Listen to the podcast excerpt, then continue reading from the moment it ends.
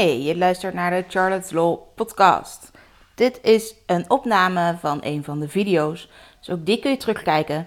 Elke dinsdag is er een nieuwe te vinden op YouTube. Charlotte, de social media jurist van Nederland. Nou, je kijkt nu naar een video van mij, maar ik blog ook heel veel. Weet je waarom ik dat doe? Nou, simpelweg omdat het werkt. Omdat dat mijn vorm van marketing is, waardoor ik heel veel klanten aantrek.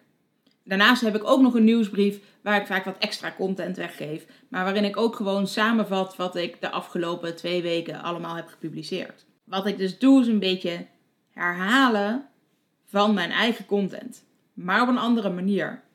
Content mapping. Hoe kun je content mapping nou inzetten om daar zelf meer klanten mee aan te trekken?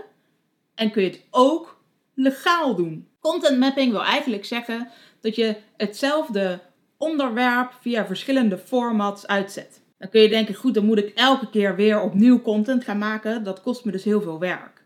Nee, dat moet je nou juist niet doen. Nu maak ik bijvoorbeeld een video over content mapping, maar ik ga zorgen dat er ook een blogpost komt die hierover gaat.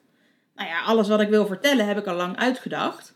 Dus ik kan nu heel erg makkelijk zo meteen daar een blogpost bij maken. Bovendien weet ik dat ik online wel wat goede afbeeldingen kan vinden die ook wat zeggen over content mapping. Dan denk je, ja, die, afbeeldingen mag je toch helemaal niet zomaar gebruiken? Klopt, die mag ik ook niet zomaar gebruiken. Maar ik zorg dat ik naar een bron ga waar ze legaal op staan, zodat ik die kan embedden. Nou, en embedden, dan blijft het dus staan op de website waar ik het gevonden heb, maar toon ik hem ook via mijn eigen website. Dat zie je dan nu niet in deze video, dus goed, dan moet je weliswaar naar mijn blogpost gaan om die afbeeldingen te kunnen zien. Maar het is toch heel erg nuttig. Daarnaast zou ik er bijvoorbeeld nog een slideshare van kunnen maken. Dus wat ik nu vertel in een paar afbeeldingen samenvatten, zodat je als het ware een presentatie ziet. Daar zou ik eventueel nog wat tekst bij kunnen inspreken. En dan heb je er ook nog een podcast van, die ik misschien wel kan combineren met die slides. Nou, op die manier kan ik dus ook mijn content naar verschillende kanalen verspreiden, zodat ik zoveel mogelijk mensen bereik en waarbij het dus zoveel mogelijk mijn eigen content is. In die slides zou ik eventueel wel weer die afbeelding die ik ook embed op mijn blog kunnen laten zien als ik het over die afbeelding vertel. Dan is het een citaat geworden. Moet ik er ook wel in beeld bij zetten waar ik hem vandaan heb en van wie die is en meer van dat soort zaken. Maar zo kan ik dus citeren, heb ik extra content zonder daar zelf moeite voor te doen. Eventueel zou ik ook kunnen vragen of iemand anders voor mij over ditzelfde onderwerp nog wat zou willen schrijven. Dat kan ik wat combineren met mijn eigen content.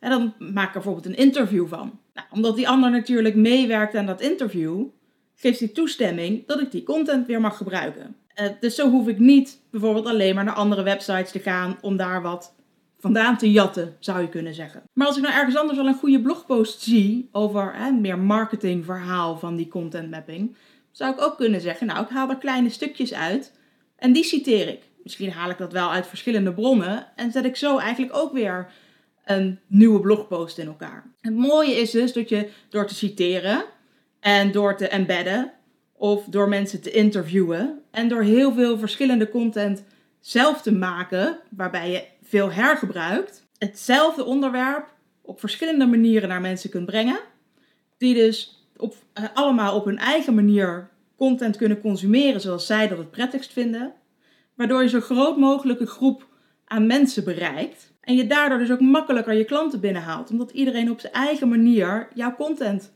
kan lezen of horen of bekijken. Terwijl het jou eigenlijk niet zo heel veel tijd kost. En je eventueel dus gewoon content van anderen legaal gebruikt.